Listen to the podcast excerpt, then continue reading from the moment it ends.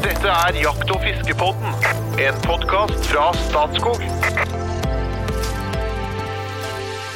Velkommen til Jakt- og fiskepodden. Vi tre sitter igjen i studio klar for ei halvtimes tid om jakt og fiske. Akkurat nå så er det utrolig mange i hele Norge på vei ut i norske skoger og fjell. Rypejakta og skogsfugljakta kommer i gang i morgen. Navnet mitt er Trond Gunnar Skillingstad, til daglig så er jeg kommunikasjonssjef i Statskog, og har gleden av å ha med meg medspillere som setter Ronaldo og Messi helt i skyggen. Det er like før nå at de sjøl stuper ut i skogen, det gjør de nok i morgen den dag, men først så skal vi gå noen runder eh, med lytterspørsmål. Og det blir lytterspørsmål knytta til rype og skogsfugl. Selvfølgelig. Med meg så har jeg kunstnersjelen fra Asker, som helst bare vil spille blues, bluesgitar mens samboeren eh, sorterer fluene. En mann som har gjort jakt, og spesielt fiske, til både jobb og hobby. En kreativ forfatter og engasjert samfunnsdebattant. Radiostemmen fra Asker, informasjonssjef i Norges Jeger og Fisk. Hjertelig velkommen, the one and only Espen Michael Farstad. Tusen takk. Jeg begynte å bruke mellomnavnet ditt. Ja, Hva det- syns du om det? Jo, jeg syns det er fint at du ikke sier Mikael eller Michel. Ja. det, er Michael, og det er jo et navn etter min engelske, halvt irske faktisk, bestefar. Så ja. Ja, ja. Så det, Det er det det kan du kan du godt gjøre med den respekten som jeg syns jeg følte at jeg hørte også. Jeg har det. Jeg, vi går videre. Sjøl om man kunne tro at en sånn medspiller som deg, Espen, var nok, i jakt- og fiskeminutten så topper vi det rett og slett med en litt annen type, da. Han er, han er en mann som er et oppkomme av kunnskap etter tusenvis av timer med fiske, men spesielt jakt. Han har òg snust såpass i bøker at han har raska med seg en doktorgrad i rypeforvaltning. Den beleste, erfarne, sindige karen fra Innlandet med seks frysere, et utall dieselkjøretøy og snill kone. Fagsjef i Statskog, hjertelig velkommen, doktor Jo Inge Bresjeberget. Takk for det. Jeg må korrigere det. Nå er jeg sju. Jeg fikk en fryser. Jeg fikk en fryser i uka. Har du sju frysere, Jo Inge? Måtte ha en fryser i slag. Kjære lytter, dette tåler snart ikke dagens lys, men Nei, nei eh, det, nemlig, det vipper over i sånn fetisj-greie, dette her nå. Ja. Jeg skal skjære ned en elg, altså. Lurte han på om ikke jeg ville ha en fryser. Jo, men jeg kan da. Det er ikke bra, vet du. Men den er tom, da. Den er tom, enn så Ja, enn så lenge, ja. Jeg skal ha en hel elg nedi dit, da.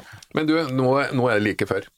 Eh, Det, det, ja, du, det er det. Og jeg må bare, bare komme en liten sånn der innspill. For at det er selvfølgelig skogsfugl, og det er rype, eh, men det er også starten på harejakta, bare for å nevne det. da. Ah, ja, ja, ja, så det er liksom småviltjaktstarten. Så det er, eh, ja, jeg syns at vi i rettferdighetens navn skulle ta med det. Ja, ja. Ja. For all del. Eh, Ja, nei, dette er den største folkevandringen ut i norsk natur etter påskeutfarten. Mm. Det er altså, det er, det er ja, og, og det er veldig viktig i et folkehelseperspektiv, sier vi, fordi at eh, dette er så jubeldag for veldig mange, vi har gleda oss så lenge. Eh, eh, og alle de som driver med dette er jo fritatt for alt som heter høstdepresjoner. Altså, for oss er jo dette, ja, det er dette Men skal de kimse av det. Nei. De skal jo ut, ikke sant. Det er Yes. lystbetont. Oh, yes. Det er ikke alltid skituren på påskefjellet her for alle, men her er det lystbetont. Og, og dette er vi så skrudd på at jeg lurer på om de som sitter igjen hjemme også syns det er deilig når vi drar, så det har dobbel effekt, tror jeg.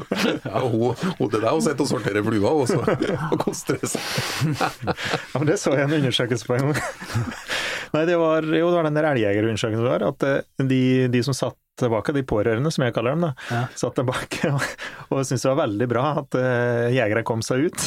Ja. Endelig. Ja. Så jeg tror er en vinn-vinn, faktisk. Ja, det, ja. ja nei, vi, skal ikke, vi må ikke gå for dypt i den der, der altså, for Men det er do- ikke, bra. hvor fort skal dere ut på jakt eller noe? Det gjør vi med en gang. Ja. Ja. Ja, ja. Det, Nei, altså, dette, nå noen vi ikke. Nei. Nei.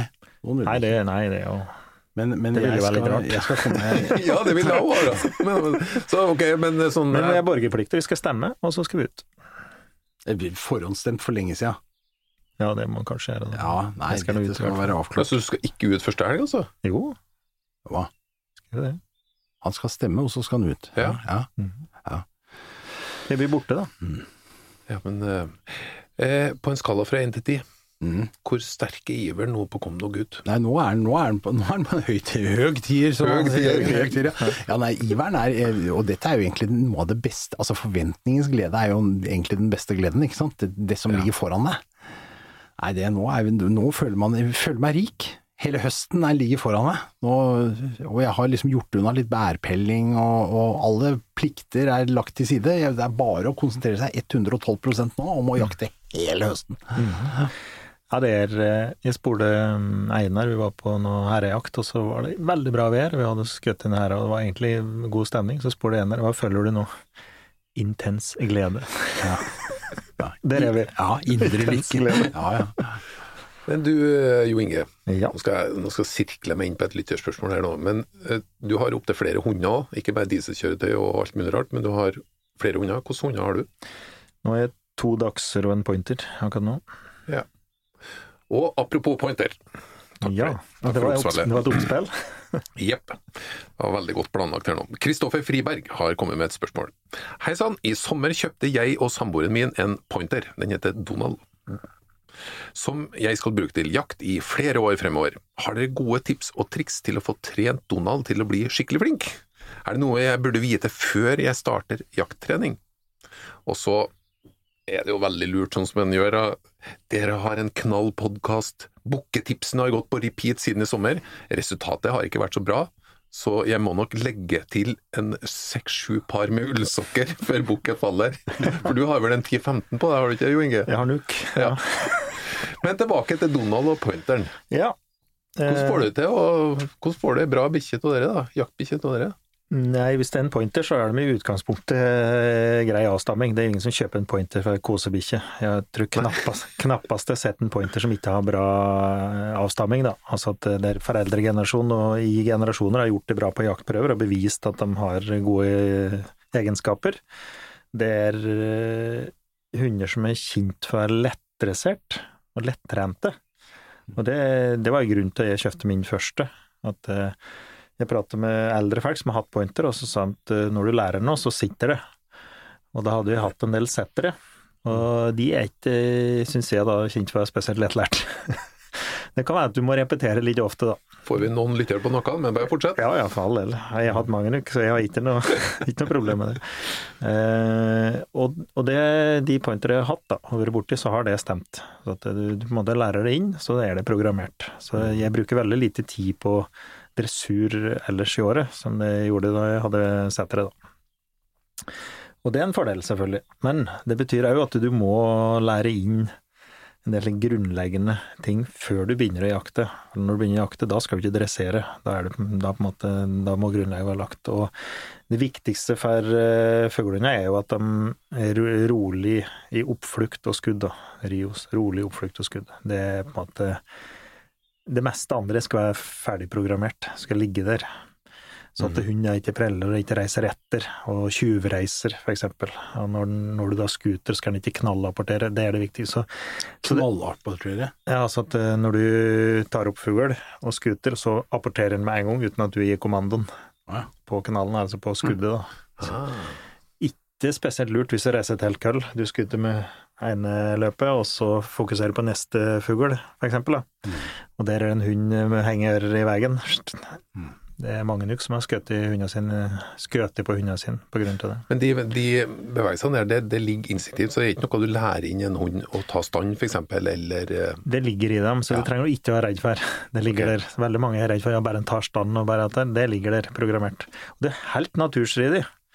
Skal hund, en pointer er jo avle for å gå på, egentlig på store vidder, da, på stepper nærmest. Eh, Store vidder, og òg bruke synet. Eh, Veldig elegant, springer kjapt og, liksom muskuløs og, og legger unna mye terreng, da, revierer. Og de eh, Da går de i ganske mye fart, ikke sant? Og så skal de da få vind av nære fuglen, som da ligger og trykker, eller som er i, er i bevegelse rett fremme dem. Og så skal de stoppe, da, akkurat passe avstand framme av fuglen, så at den ikke reiser. Altså han skal trykke, han skal bli usikker og trykke. mhm. Og det er klart, med den farten og greier der, så skal du da Det er jo ganske finstemt, da. Ja. Hvis du ikke da er stopper tidsnok, så stikker de jo. Ikke sant? Og stopper du for langt unna, en tiur eksempel, den bare beiner unna. Da bare springer de på bakken. Og da må du begynne å henge etter, ikke sant. Og en tiur springer ekstremt fort på bakken. Går bikkja etter, da? Det skal han gjøre, da. Så, mm. Hvis han er veldig forsiktig, så står han, og så går du fram, ikke sant, og så går du fram og står og går fram og Mm. står. Og det kan, da kan du bruke en halv dag da, på å ta opp en fjørane, liksom. Men, eh, men, men det er jo litt erfaring og læring, da, selvfølgelig. Så det vi starter med, er å trene innkalling og sitt, eventuelt ligg, da. Sånn, Det er det man kaller grunnressur, ikke sant? Ja, grunnressur. Så vi vil anbefale, ja, så vil anbefale å gå et valpekurs, som får omgås andre hunder å gjøre, og så lærer du jo det meste triks her. Men Artig at du nevner akkurat det, Jo Inge, for at her finnes det faktisk en ganske god landsdekkende organisasjon som det? har dette som, som sitt innsatsområde, skjønner du. Det. Ja, så, så det? Ja, jeg tror Lupinki de har gitt ut en egen bok òg, som heter Jakthundboka, som handler om akkurat det. Den er god, vet du. ja, Kanskje han vi hadde med i en episode tidligere? ja, jeg lurer på om ikke han Var det Roar han het, mon tro? Ja, Nei da, men det prater alvor om det, så er det Dette er jo et satsingsområde i Jeger og Fisk. Vi har altså gitt ut en egen bok som er veldig god. Og det- Den er kjempebra, Ja, nå er nikker, jo Inge her, så da har vi jo den på plass. Eh, og, og da tilbys det jo kurs rundt omkring. Og det å i det hele tatt komme inn i et miljø hvor folk driver med bikkjejakt sånn at du på en måte kan få de riktige inputsa på det, det, det må være lurt. Så, Ja. og jeg kan ikke mye om bikkjer, men jeg har lært så mye som at grunndressur, dette er viktig. Og hver gang ting ikke virker når bikkja er voksen, så sier de ja, det skulle vært nøyere på grunndressuren. Det Ja. får jeg høre, liksom. Ja. Er mm. Og, det, og det, så det, det er så enkelt så at eh, jeg kan anbefale den boka. Den, den er kjempebra til Egelfisk, og leser du den, så får du de fleste tipsa du trenger, faktisk. Da vil, da vil du være rustet til å eh, dressere Donald, da. Men, men, det, men det er alltid det vi starter med. Altså eh, det med å få dem husreine. Ut, eh, hver gang en har lekt, eh, lekt eller sovet eller eh, eti, så må de ut og tisse, så får en rutine på det. Gjerde fra seg ute inne på et fast stelle, så slipper du å ha det over hele garden, liksom, eller i bakhagen. Og så er det da sitt og innkalling. Så da skal få mat. De fleste valper er glad i mat, så starter vi der. Mm. Så at da innkalling kommer til deg, og så sitt, og så får du matskål. Det tar ikke veldig mange unger før de skjønner at de må sitte før de får ete maten. Og den sit-kommandoen, den den trener på litt hele tida. Så min, selv min da voksne pointer nå, den må sitte hver gang før en får mat. For det er om du skal ut til et hus, eller ut til en bil, du er på jakt eksempel, sitter i buret, så skal den sitte før en hoppertur. For det kan være trafikk at du står på en trafikkert vei, eller til en eller annen grunn eh, trenger at den er i ro, da. Så er det veldig viktig å kunne beherske den kommandoen, og òg på avstand. Så trener du etter hvert på avstand, at du kan sette hunden din på 1 meter, 5 meter, 10 meter og 50 meter. Det vil òg være viktig når du kommer inn i jaktsituasjonen. Okay, så du- du kan- sitt. Kjøre en kommando på 50 meters avstand, så setter bikkja seg? Jeg bruker da i kraftig hundefløyte, så er det kortfløyt, sitt, og langfløyt kom. Ok. Og det er programmert, og det, det tar de veldig kjapt. Mm. Og da, da funker, det på, funker det på Du har jo hatt drever òg, jeg må bare spørre. Dags, ja. Ja, men du har hatt drever òg? Nei, ikke Du har ikke hatt bare dagser. Ja. Ja, ja. Ja. Men det funker, dere òg. ja. ja. Gjør det? Ja. Eh, Av en annen merkelig grunn, da. Så i dag så klarer jeg å kalle dem inn, da. Ja. Men det er, det er en av de få tingene jeg trener der, så er det innkalling. Ja. For det må du kunne. For det er veldig mange som ikke vil det, komme tilbake. Så jeg vil egentlig starte med det, og så er det begynne med en rypeving, da. For eksempel hvis jeg trener standtrening. Så jeg en, eh, en eh, vinge fra ei rype som jeg har skutt i. Så henger den i ei fiskesnor, ei lang eh, meitestang. Så ut på jordet, og så terger tergehund nærmest, da, med den fremme. Okay. fremme sånn. Til slutt så står jeg valpen på den rypevingen. Da. Alt dette står i boka, den Mm, ja.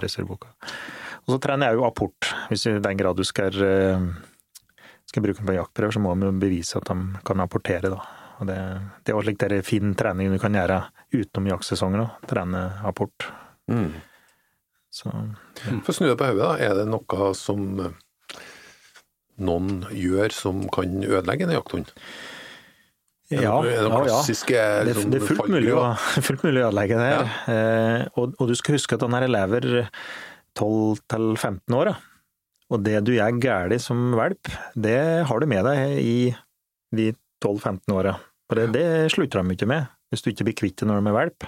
Veldig hyggelig at denne valpen ligger oppe i sofaen eller i senga, f.eks. Hvis du ikke syns det er greit i tolv år fremover i tid, så skal du ikke gjøre det. Mm. Og du, de fleste da, som driver aktivt med hunder, de bytter omtrent halvveis i livet. Det er sånn ideelt sett, da. Når en voksen hund er seks-sju, så bytter du for en valp. Og så har du da en voksen hund i, mens den på en måte går ut, så er den andre på vei til å bli skikkelig god, men som regel topp like, midt i livet, da. Og det er klart, hvis du da har veldig mange unoter på den gamle hunden din, så får du det, erver du det over på valpen. Så har du det gående kanskje hele hundelivet ditt. Det kan være ting der du aldri blir kvitt. Men en Eller ting, veldig vanskelig, i hvert fall. jo Inge, en ting som jeg, jeg, Nå vet jeg ikke om dette gjelder pointere, men altså jeg, jeg syns at jeg mange ganger har møtt litt nervøse fuglehunder.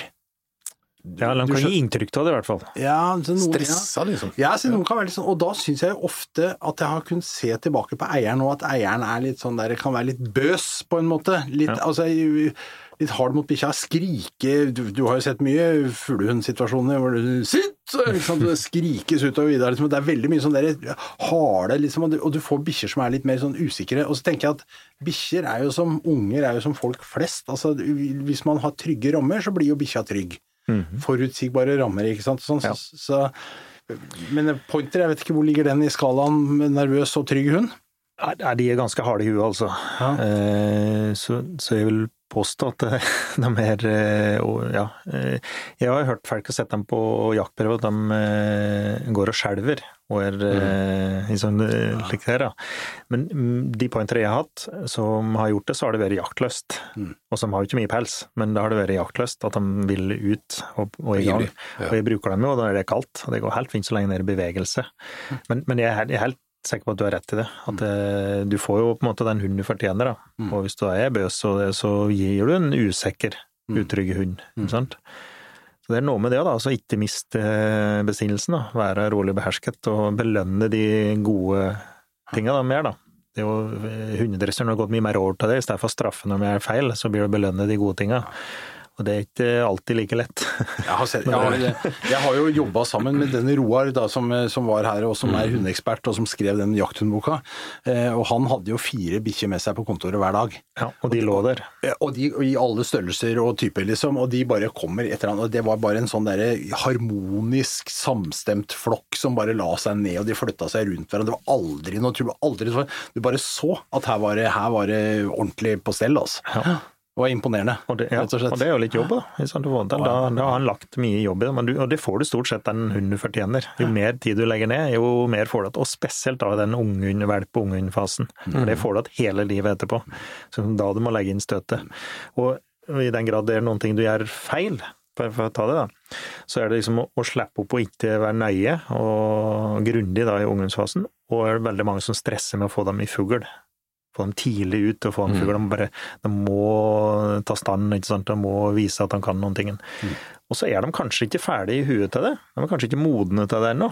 Og så gjør du feil, eller hunden gjør feil, og så gjør du egentlig vondt verre, for da må du bruke lengre tid på å trene det inn igjen. Så det, det er ikke noe vits i å stresse med det, for så er det er programmert. Det kommer. Ikke, ikke noe stress. Men jeg stusser på én ting. Det er altså at han kjøper seg en fuglehund, og så gir han et fuglenavn. Donald. Ja. det, det, har du tenkt gjennom dette sånn- her? har du sånn- du grunnet på det Ja, jeg lurte litt på den der. Er sånn. Ja, for det er jo litt artig. så Bikkjenavn, det, dette kunne vi lagd en egen episode om. Altså, bikkjenavn, ja. ja altså, Harebikkjer de heter Rapp og Kvikk og Peik og sånn, alle sammen. Klang og ja, og- ja, ja. Og så har du alle de derre Skordalskokken fjerde generasjon, de derre fuglehundgreiene. Og, så- har du sånne raringer som Jeg jakter med en uh, dags i ny og ne. Han heter Morten. Så det, er, så det, er, det er mye rare navn. Ja. Men jeg tror ikke jeg hørte Donald, og i hvert fall ikke på en pointer nå. Så det var litt originalt, da. Jeg også har vært med i sånn brukshundmiljø tidligere, med annen ikke, ikke jakthund. Og der var det to veldig tydelige ulike eh, tradisjoner på dressur. Og det er jo, en, det er jo den harde som var utdøende, og så var det den som drev med positiv forsterkning som, eh, Ja. som var i opptur, da. Ja. Og du ser jo veldig ulik eh, atferd på hundene som har eh, Der det har vært fokusert på det positive forsterkninga. Ja. De blir veldig sånn ivrig på å gjøre det som eh, de blir bedt om å gjøre, mens noen andre kanskje gjør det for å unngå en negativ reaksjon fra eieren, så du, du ser det ganske tydelig. Men hvis du har to hunder som søker samtidig, og hvordan søker de, det lurer jeg også på. Men er ikke det litt komplisert hvis du kjører ut to hunder samtidig når du er ute på jakt? Ja, for jeg, jeg har fått noen spørsmål om det vi hadde tidligere når jeg begynte på, i Statskog på Helgeland, så var det en hundebegrensning der. Det var, litt, det var i forhold til reindrifta den gangen. da. Og så kunne du ha så og så mange hunder med deg. Og det, var, så slapp vi opp det. Og så var det noen som opponerte på det. da. Som, Du kan ikke, kan ikke slippe opp på det her. Nå er det liksom fritt fram, og de har med seg 500 og slik. Så bare Ja, men vil du da så vondt? Altså, seriøst? For det, det, det blir bare kål. Ja. Ja, så det er ikke noe Det kan ikke anbefales. Du kjører én og én hund, ja. Og greia er at hvis du har to hunder Jeg har hatt sittet med to fuglehunder lenge. Da varer hunder fryktelig mye lenger. For da kan du jakte den halve dagen med den ene, mens den andre hviler. Så jakter du andre halve delen. Så får du hele kvelden. Og da er det en hund som jakter morgensøkta for hele kvelden, og kanskje morgensøkta dagen etterpå. Da varer de fint 14 dager i strekk. Men så har du én hund, så selv om den er i skikkelig bra form, så har du jakta ei uke. Da begynner de å bli magre og, og slitne. Så de varer mye lenger hvis det du har to hunder. Men da jakter du aldri med dem sammen. Da er det én og én, og så den ene hviler, den andre jakter. Et siste, bare siste Ja. spørsmål på pointer fra meg til Jo Inge, og det er jo pointer som skogsfuglehund. Altså den, jeg ser for meg litt sånne eh, store vidder jeg med pointer, løper langt liksom. Ja. Hvordan er den i skauen? Nei, for, for det var jo greia når jeg, når jeg kjøpte første pointer, liksom, så var det ja, det å jo sund, da. Ja. Og så er det sånn alle skal drive med den i skogen. Men det mine funker som fjell Ja. i skogen, faktisk. Vært ikke noe problem med å tilpasse søket etter, etter det òg. Den første jeg hadde, da var jeg, da var jeg faktisk nei, det er et tips, da.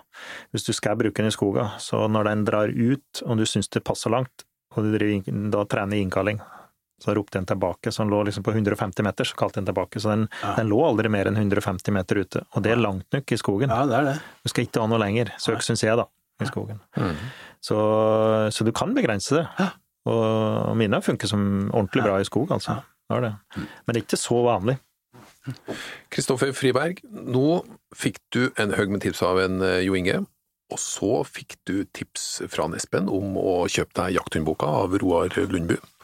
Ja, det er Og flere, kanskje, mm, ja, det er flere forfattere, men Roar er Ja. redaktøren. og kanskje kan det være en god idé, nå vet jeg ikke om det er din tredje hund eller om det er din første hund, men er det din første hund, så kan jeg være gi en ekstra sterk anbefaling om å være med på kurs i regi av Norges Jeger og Fisk. Ja, det syns jeg uansett han skal gjøre.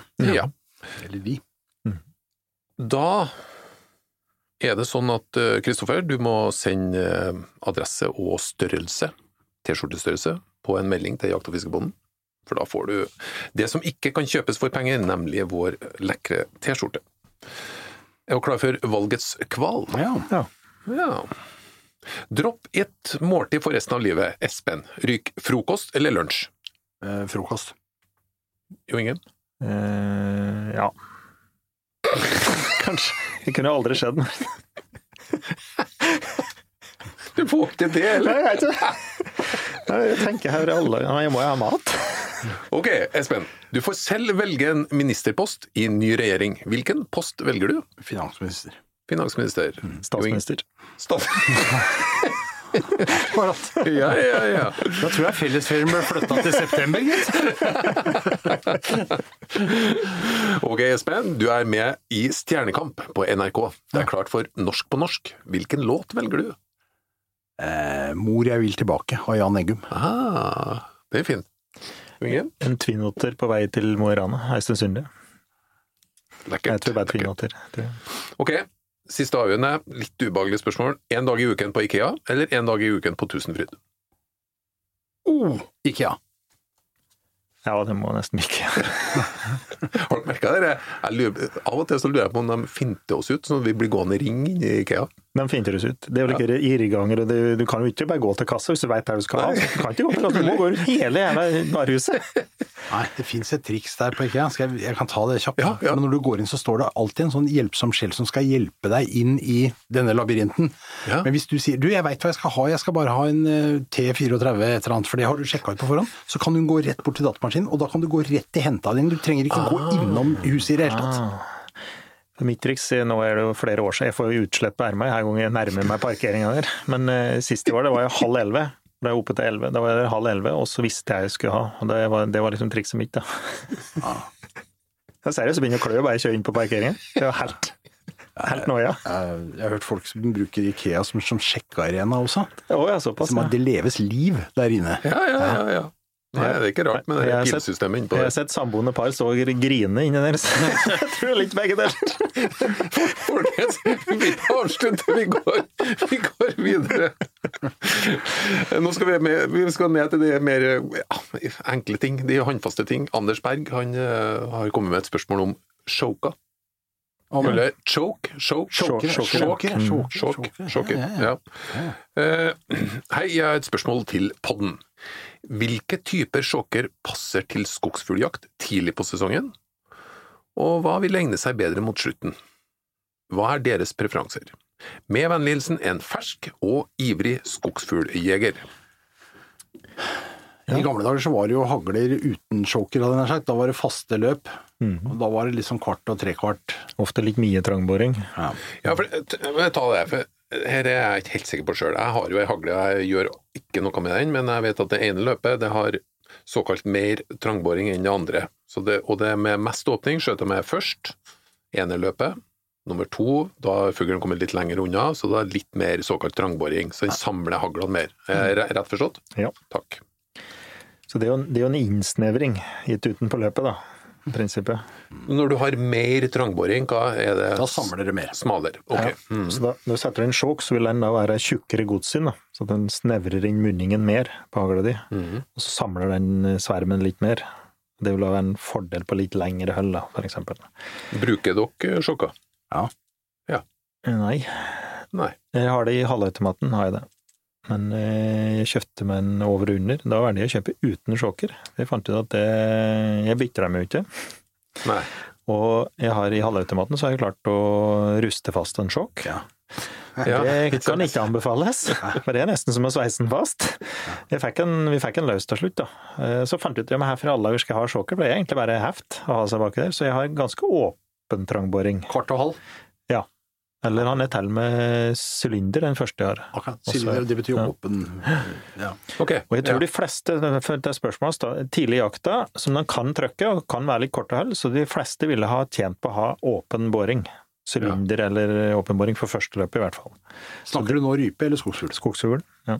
Så jeg jakter skogsfuglen jeg jakter med halvautomaten, så jakter jeg da med sylinder igjen når jeg jakter Altså, tidlig jakta. Full åpning. Ja, i prinsippet, da. Mm. Og så, eller ingen trangboring i hele tatt, da. rett Hva er holdet da, det tenker du? Nei, men da er det liksom alltid fra fem meter til, til 20? 25. 25? Ja. Mm. Eh, og når jeg kommer litt lenger ut i jakta, og gåsejakta, så brukte jeg bitte, da. Og da lå jeg liksom mellom halv og fullendstand. Så, så jeg gjorde det aktivt. Men så fant jeg ut at det, det, det funker eh, greit å ha faste sjåker. Så i den hagla jeg har nå, så har jeg faste sjokker. Altså ikke sjokker i det hele tatt, bare fast boring. Ja, og da eh, sa du det var full åpning på det ene, og Jeg har improved sylinder, så det er hakket tettere enn eh, helt åpent, da. Ok, mm. og det andre Den er ved kvart, tror jeg. Kvart eller halv. Ja, og når dere sier kvart, så mener dere at det er tre kvart åpent. Er det sånn? Ja, i prinsippet så er det ja. Men du Espen hadde en annen Nei, jeg, jeg, altså, jeg sitter og hører på Jo Ingo og tenker at eh, han er er en fornuftig mann. Han er det, sjø. Han er det. Det er fordi, at, eh, fordi at eh, jeg har eh, kvart og halv. Takk, Espen. Jeg har kvart og halv, og så, og så må jeg faktisk minne meg sjøl på sånn en gang i sesongen, og så skru litt på og slippe på litt olje og passe på så det ikke ruster. For jeg bytter heller ikke. Nei. Det er helt riktig. Jeg gjør ikke det. Det er helt riktig. Sånn at jeg kunne godt tenkt meg en haglelse uten sjokker, egentlig. Og det, men føler jeg meg litt dum når jeg sier det, for at det, er jo, det, er jo, det er jo lite tilpasningsdyktig. da. Ja, ja. Vi veit jo at forholdene forandrer seg gjennom høsten, så man burde jo kanskje vært litt ja. mer aktiv på, på sjokkfronten, men jeg er ikke det i praksis, da. Og slik som på gåsejakta, som de kan være hardskutt i, da skutter jeg stort sett med litt mer trangboring, da. Altså tre kvart kanskje, eller til og med full kan jeg skutte med da. Og da er det, har du en misjon, for da tilpasser meg jo jakta og forholdet. Og, men, eh, men jeg oppdager jo at jeg stort sett skjøt med den samme sjåken, da, til den ruster fast. Det er er jo fristende å spørre deg, programleder, hva bruker du på duejakt eh, av sjokker når du er ute og jakter? bruker ingenting. Sylinder. jeg, Jeg-. Jeg bruker sylinder. Akkurat. Du har fått tildelt våpen, med andre ord? Duejakt er spennende. Ja. Det var, Det var helt nydelig. Ja, det det var helt nå, nå, nydelig. nå skylder vi å fortelle lytterne at, at eh, jeg sitter med en veldig blid programleder på andre siden av bordet her. For han har nemlig vært på duejakt og, og har sett Nirvana blinke i det fjerne. Og ja, han er helt fresh. Nei, det var helt vakkert. Det, var, vakkert. det var i overkant eh, bra, tror jeg. Jeg, jeg lot meg inspirere til å lage en limerick om det, da. Oh. Om akkurat deg og duejakta. Såpass, ja. ja, ja. Nå er jeg spent. Ja, det kan, er den skal jeg notere meg, altså. Den heter Hårete duejakt, som arbeidstittel, da. En programleder i Jakt- og fiskepodden satt på duejordet på jakt i morgenskodden. Han hadde hårete mål om å skyte dyrer enn stål. Han skjøt så mange at han framsto som lodden.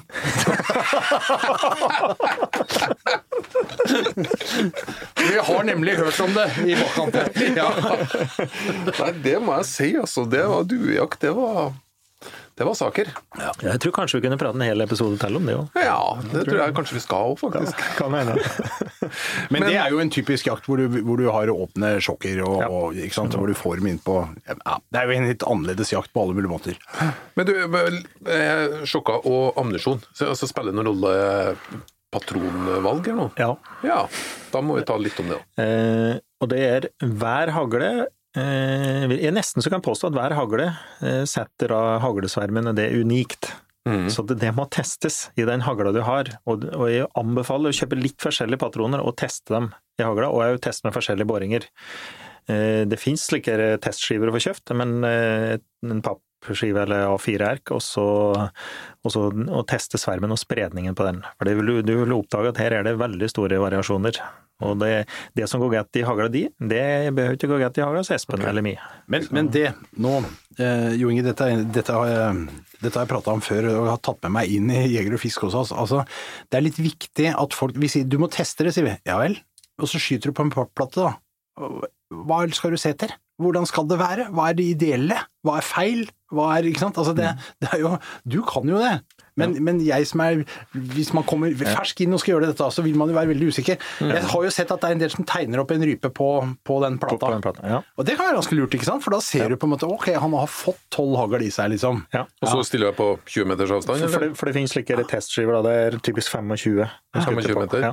Og da, da er det å se at det ikke er hæl i svermen. Ja. Det er ganske viktig. Ja. At, at for Ja. de kan klumpe seg. Hagla er ikke uvanlig at de klumper seg, og så setter de svermer, altså det blir flere svermer. Ikke en jevn fordelt sverm, men at det blir store hæler inn. De hælene kan være nok til at en fugl kan komme igjennom. Altså Du skuter og treffer, men det er, det er rom til fuglen rett og slett å ikke bli truffet. Mm. Det er jo, eller en skadeskuting kan også skje av det. Det er kanskje det viktigste, at de sprer hagla jevnt. Mm. Og da vil det da, med forskjellig trangboring og forskjellige patroner, vil se at eh, noen samler mer enn andre. da. Altså at du får den eh, dekningen da, som du ser, som du er ute etter. Dette, her, Og- og dette, dette må vi passe- snakke mer om. Fordi Ja. at det, for det som, er, det som skjer nå, at nå, Beklager der ute, men det kommer nå til å komme i realiteten eh, et blyhaglforbud om noen år. Det må vi bare regne med. Ja. Og Det betyr at vi må søke andre materialer, eh, og da er det en del å velge mellom. Og da vil på en måte dette bli enda viktigere, det som Jo Inge prater om nå, at man faktisk tar en liten runde med seg sjøl med ulike patroner, ulike materialer, og ser på egenskapene og ser hvordan dette går i egen hagle, sånn at man er best mulig skudd- skodd. Ja. Ja. Og om hagle er laga for det. det altså Stålhagle f.eks. behøver ikke gå veldig bra i gamle hagler. Høyt trøkk, eller, og ikke minst hullet da, vi skuter på. Det kan være at du må tilpasse òg, til nye patroner. Så det kan vi òg prate lenge om. Tilleggsspørsmål. Når du står på Lerdubanen, mm -hmm. hvordan uh, trangboring bruker man da?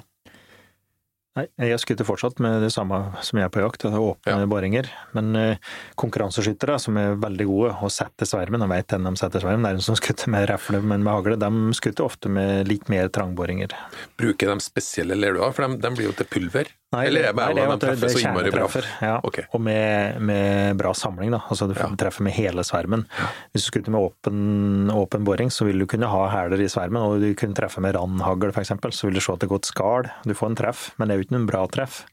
Mens dere, hvis du ser på skit i OL f.eks., Ja, så ser du bare en, en støvsky. Det er jo ingen tvil om at ja. treffer den, ikke sant? men da er hele svermen De skutt, kan skutte med veldig trange boringer. da. Bare sette svermen der, og så blir det bare eneste skit og hele dua. Nei, men jeg følte at vi fikk dykka ganske godt inn i sjåka. Det var slett ikke verst.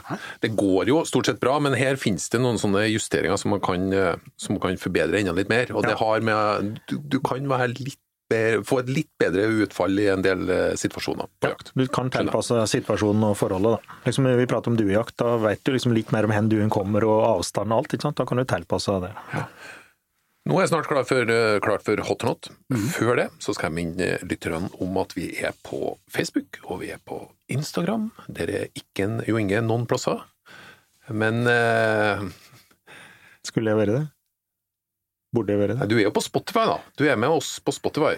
Jeg Og vi ligger på det- Apple Det er Podcast. KA sin konto. Jeg bare låner den. ja, jeg vet, jeg vet at du følger med, sjøl. Det jeg heller ikke tok med da, for å få hele bildet av en Jo Inge, det er jo at den pointeren som han har, som han har trena veldig godt, ekstremt kosete. Så de blir som eierne. Nå er vi klart for hot or not. Vi starter med at Jo Inge skal svare.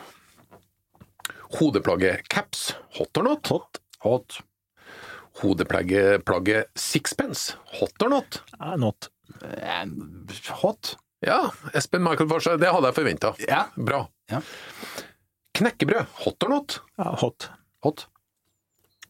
Tyrefekting, hot or not? Not. Nei, not. Ja, du måtte tenke. Bra. Oppdrettstorsk, hot or not? Not. Ja, det var jaggu godt, for nå var det like før Espa gikk her, Jo Inge. Det er en hot, ja. Ok, da tar vi en hot til slutt fra Åge Aleksandersens plate 7800 Namsos. Låta 'Stakkars Hansen', hot or not? Og Pølsehansen, ja. Sånn var det ikke. Det var et rungende hot fra alle i hele studio. Hjertelig takk for følget, god tur ut på fjellet, og vi høres igjen neste fredag.